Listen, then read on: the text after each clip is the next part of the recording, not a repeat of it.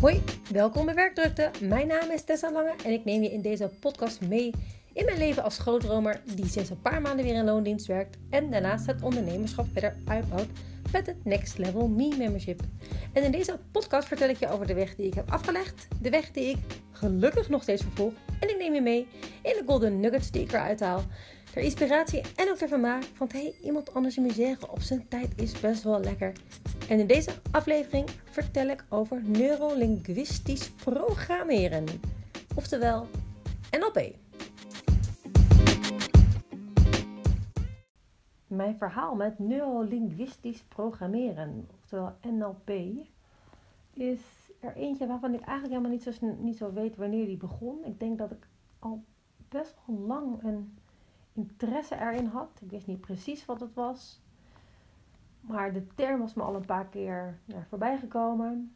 En uiteindelijk dacht ik, ik ga daar iets mee doen. Want ik had begrepen dat zou wel iets kunnen betekenen voor mij als um,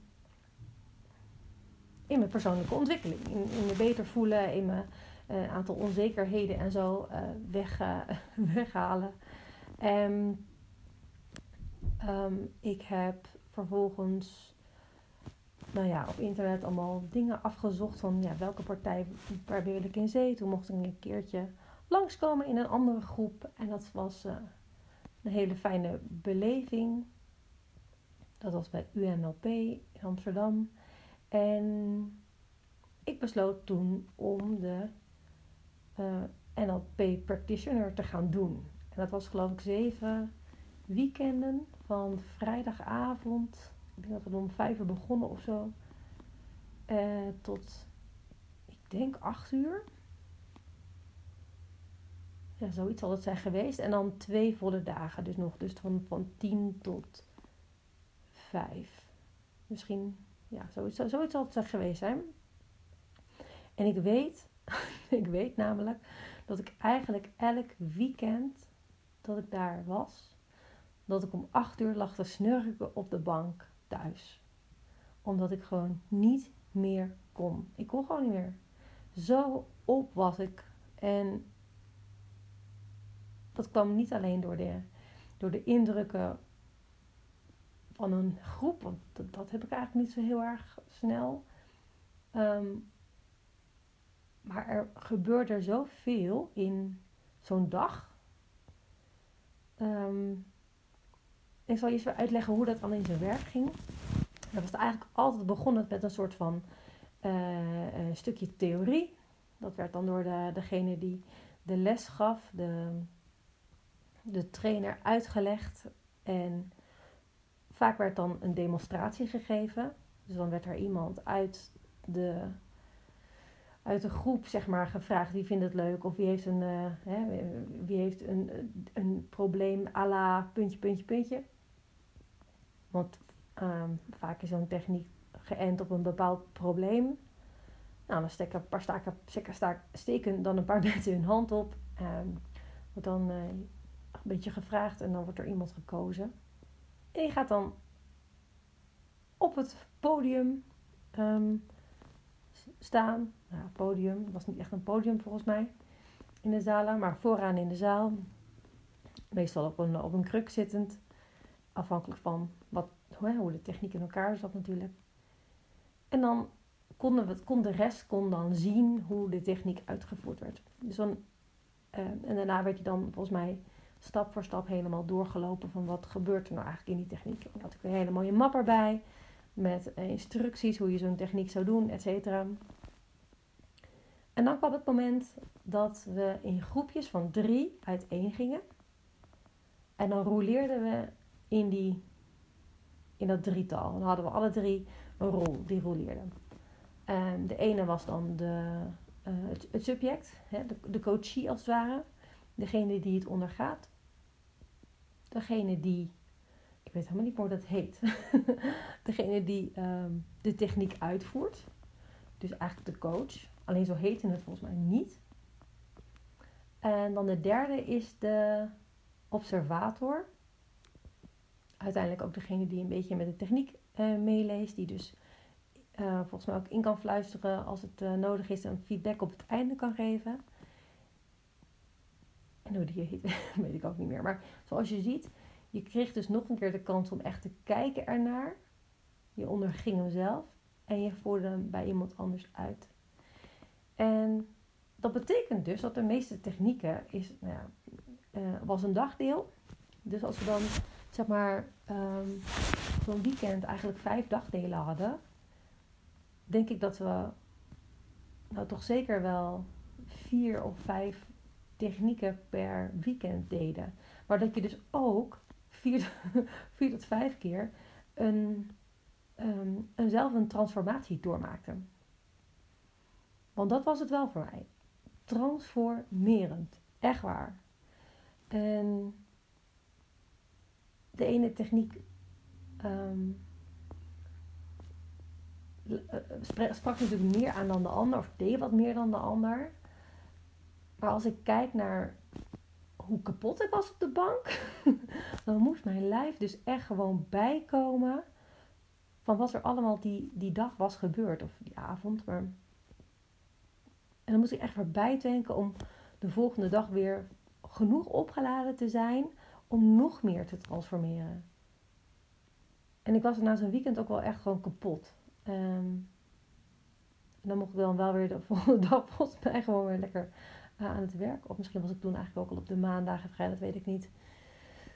Maar ik weet wel dat ik um, in die tijd behoorlijk ja, veranderde. En ik weet ook nog wel dat ik op een gegeven moment uitgenodigd was voor een, een verjaardagfeestje of zo. Dat uh, vlak bij in de buurt. En ik had al gezegd, nou ja, ik weet niet of ik kan komen, want ik ben meestal echt kapot. En ik was echt van plan, ik voelde me echt prima. En toen lag ik dus om acht uur weer op de bank te snurken. En toen dacht ik, ja, wie hou ik voor de gek? Dat ga ik gewoon echt niet doen. Want ik moet morgen nog een dag. En ik deed dat echt voor mezelf. En dan ben ik ook wel zo iemand die gewoon voor zichzelf kiest. Alleen nu ik dat zeg, denk ik, ja, ik kon gewoon echt niet meer. Ik heb meerdere. Dat mijn lichaam zegt dan ook gewoon echt, en mijn, mijn geest, maar mijn lijf zegt dan ook gewoon echt een hele dikke, dikke nee. Weet je, je moet in je bed liggen. Dat zegt mijn lijf dan. En ik ben dan wel zo iemand die daar gelukkig dan wel naar luistert, omdat ik weet waar ik het voor doe. Dus als ik nou kijk naar mijn eigen, ja, de, de, de transformaties die ik daar heb gemaakt, meegemaakt, uh, zelf gemaakt en ook vervolgens meegemaakt van anderen, ja, dat is, was gewoon magisch. En um, neurolinguistisch programmeren, wat mij betreft, is, lijkt een beetje uh, abracadabra, zeker in het begin. Hè? Is, gaat lekker snel en hop, flop, flop, flop en het is anders. Maar het werkt gewoon. En ja, nu denk je, waar, waar heb je het over? Nou, bijvoorbeeld, laat ik een voorbeeld geven. Um, een van de technieken, die volgens mij heel bekend is, um, en in vele vormen en varianten natuurlijk voorkomt, is de techniek om angsten op te lossen. Om angsten te overkomen. En het kan dus, bijvoorbeeld hoogtevrees, is echt een hele makkelijke, veel voorkomende natuurlijk ook.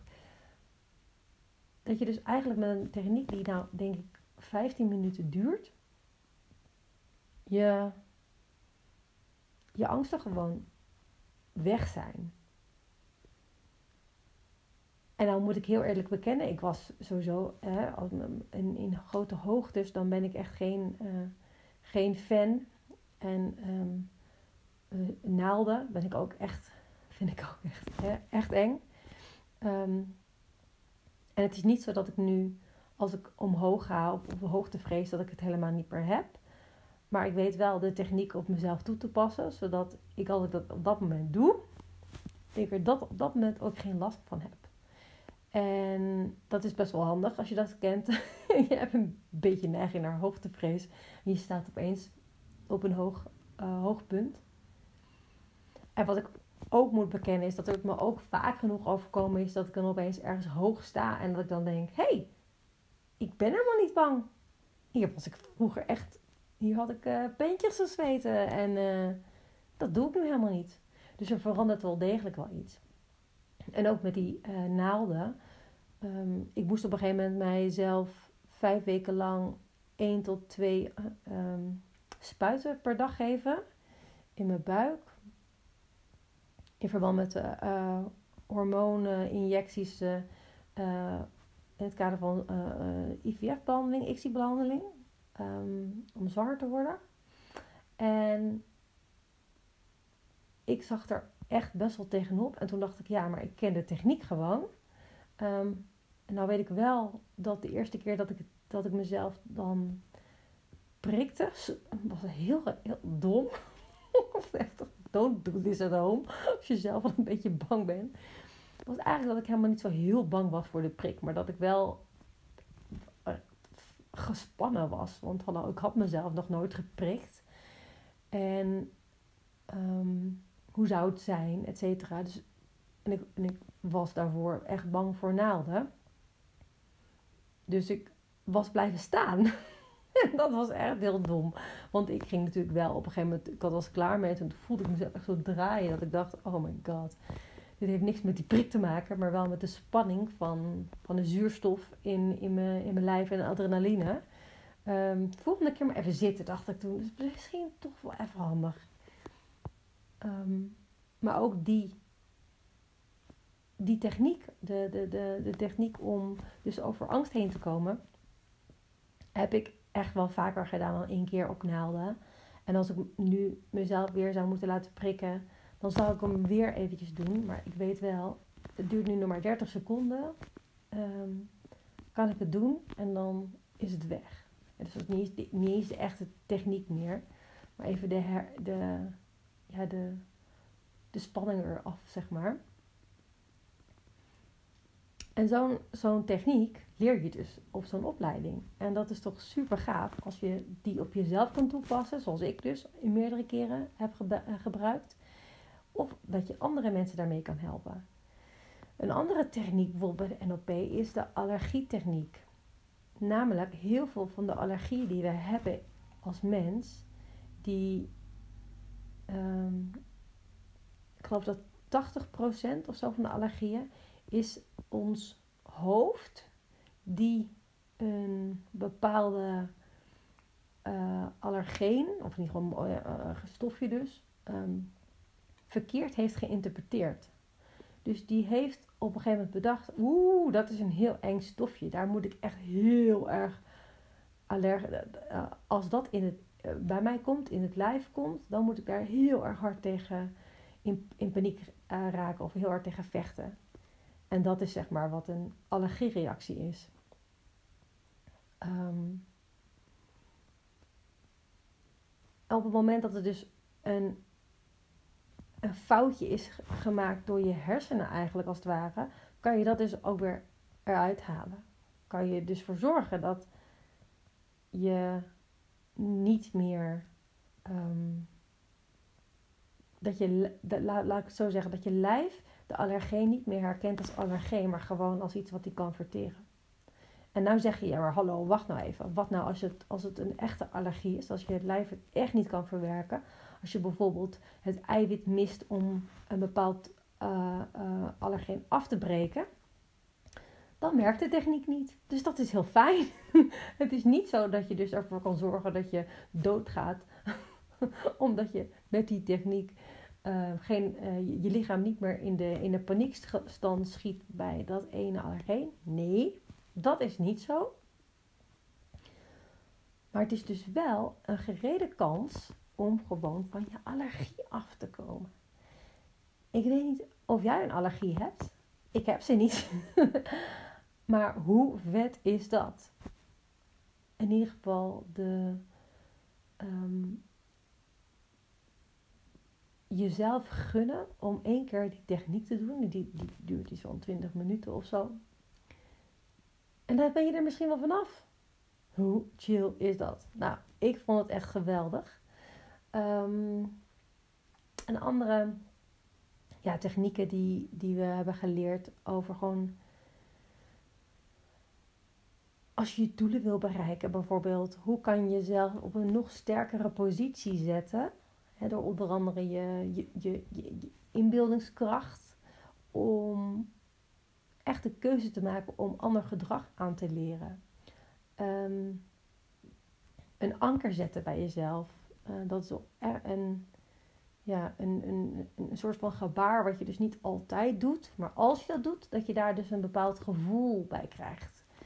dus als jij het heel spannend vindt om in grote menigte te zijn, er zijn genoeg mensen die dat vinden. Um, en je maakt een ankertje waar je je, je pink en je duim bijvoorbeeld uh, elkaar aanraken. En dan word je heel rustig en, en relaxed. Hoe fijn is het dan als je dan opeens in, een, in een, zo'n omgeving bent, dat je dat uh, je pink en je duim even tegen elkaar aan kan, kan leggen. En dat je dus voelt, ervaart dat je dus weer in die ontspanning gaat. Waar je dat eerder niet deed. Alleen omdat je je, je lijf en je mind zo geconditioneerd hebt eigenlijk zelf.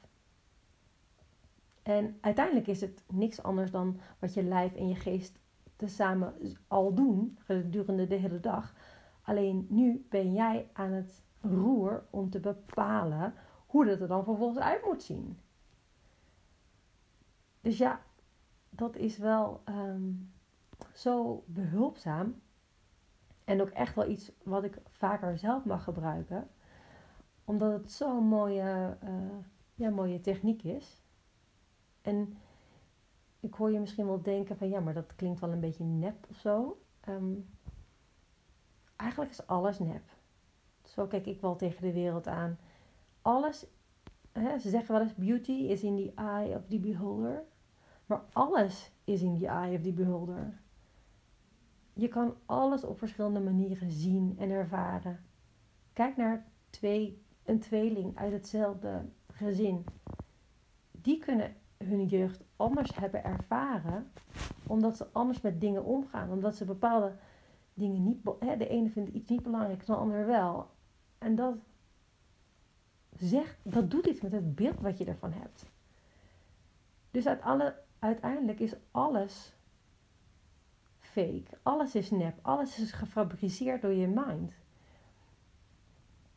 En dat is gewoon zo. Zo, zo werkt het ook gewoon. Dat is gewoon onstotelijk bewezen. Dat je, dat, ja, ehm, dat je met je overtuigingen die je al hebt, dat je daarmee de wereld percipeert. Dus als jij ervan overtuigd bent dat de zon altijd schijnt, dan zal je bijna nooit in de regen lopen. Als jij denkt dat het altijd regent, dan zal je echt heel vaak in de regen lopen. Gewoon omdat het je meer opvalt, omdat, omdat uiteindelijk ook bewezen is met de kwantumfysica dat datgene waar je naar kijkt verandert omdat je er naar kijkt. Allemaal hele super interessante zaken. Wat dus weer terugkomt bij het neurolinguistisch programmeren. Waarom zou je jezelf niet programmeren op een, moment, op, op een manier die gewoon fijn en handig is en jou helpt je doelen te bereiken? Als het toch allemaal één grote gefabriceerde rare bovenkamer is, kan je net maar beter er zo inzetten dat je er profijt van hebt. Dat je, er, ja, dat je ervan geniet, dat je het leven een stuk makkelijker, lichter en leuker gaat zien. Dus ja, ik zal er een andere afdeling wel eens uh, een, um, uitgebreid ingaan op een van de andere um, resultaten die ik ermee heb uh, uh, gehaald. Omdat het gewoon, ik, daar gewoon heel hard om moest lachen. Um, maar neurolinguistisch programmeren was voor mij echt een enorme, uh, de practitioner vooral, um, echt een enorme eye-opener over ja, dat je dingen dus ook echt anders kan gaan zien. Een ander filter erop kan leggen, anders met woorden om kan gaan, anders met taal om kan gaan. En dat de wereld er opeens heel anders uitziet. En dat je die opeens heel anders, uh, uh, hoe, zeg hoe anders ervaart. Dus dat vond ik echt super, super, super gaaf. En ik, daar kwam ik er eigenlijk ook achter hoe gaaf ik de rol van de, ja, de coach, zeg maar, vond. Dus degene die de techniek bij iemand, um, die de techniek bij iemand deed. Dus, dus de, de, de begeleider van de techniek. En ik weet ook heel goed dat er iemand zei: Oh, je bent hier zo goed in, Tessa. Waarom wil je geen coach worden? En ik riep dus, echt zoals de achterzin nog niet afgemaakt. En ik riep heel hard, nee! En toen dacht ik, oh, dit is interessant. Als ik zo hard nee roep, wat zit er dan achter? Dat vind ik wel heel erg interessant van mezelf. Dat ik zo hard nee roep, terwijl ze vraagt gewoon wat. En toen het kwartje eenmaal viel, dacht ik, oh ja, dit is wel wat ik wil. Ik, ik wil dit wel. Ik wil dit heel graag. Maar ik ben wel een beetje bang dat ik er niet goed in zal zijn. Dat heb ik laten sudderen. En dat is denk ik uiteindelijk de, de, het startpunt geweest van het, van het sudderen van welke opleiding wil ik dan gaan doen. Hè? Wil ik dan een NLP-coach worden? Maar daar heb ik uiteindelijk expres niet voor gekozen, omdat ik kende al heel erg veel technieken. En als je NLP-coach wordt, dan moet je de technieken uit je hoofd leren.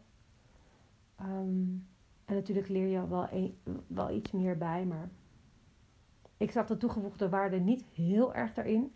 En uiteindelijk ik, heb ik dus gekozen voor echt een gedegen opleiding van, ja, waar, waar nog veel meer uh, bij zat, zeg maar. En daar ben ik heel erg blij mee dat ik dat heb gedaan. Want nogmaals, de NLP-technieken, die kan ik gewoon nog steeds inzetten. En ben ik enorm enthousiast over. Dus voor zover de NLP Practitioner. Ja, tot de volgende keer.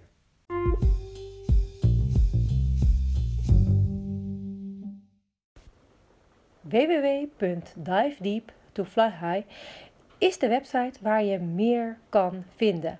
Onder andere het gratis e-book wat je kan downloaden. 10 stappen voor young professionals om next level te gaan. Daarin leg ik je de stappen uit die ik nog steeds verder uitdiep om het werk makkelijker, lichter, leuker te maken. En daar kan je de link en informatie vinden over het Next Level Me membership. En we staan helemaal aan de vooravond ervan, dus je kan met de founding members horen. En nu voor slechts 1 euro tot eind februari heb je lid. Kun je daarna beslissen of je blijft of niet. En dan gaan we samen de stap maken naar die next level. Um, en je hebt toegang tot mij. En daarbij de eerste vijf mensen die zich aanmelden, krijgen een week lang Foxer support. En als je dat interessant vindt, de, uh, luister dan even de bonus die er online staat. Wellicht zie ik je in de community, in het membership, Next Level Me membership. En anders uh, tot uh, de volgende keer.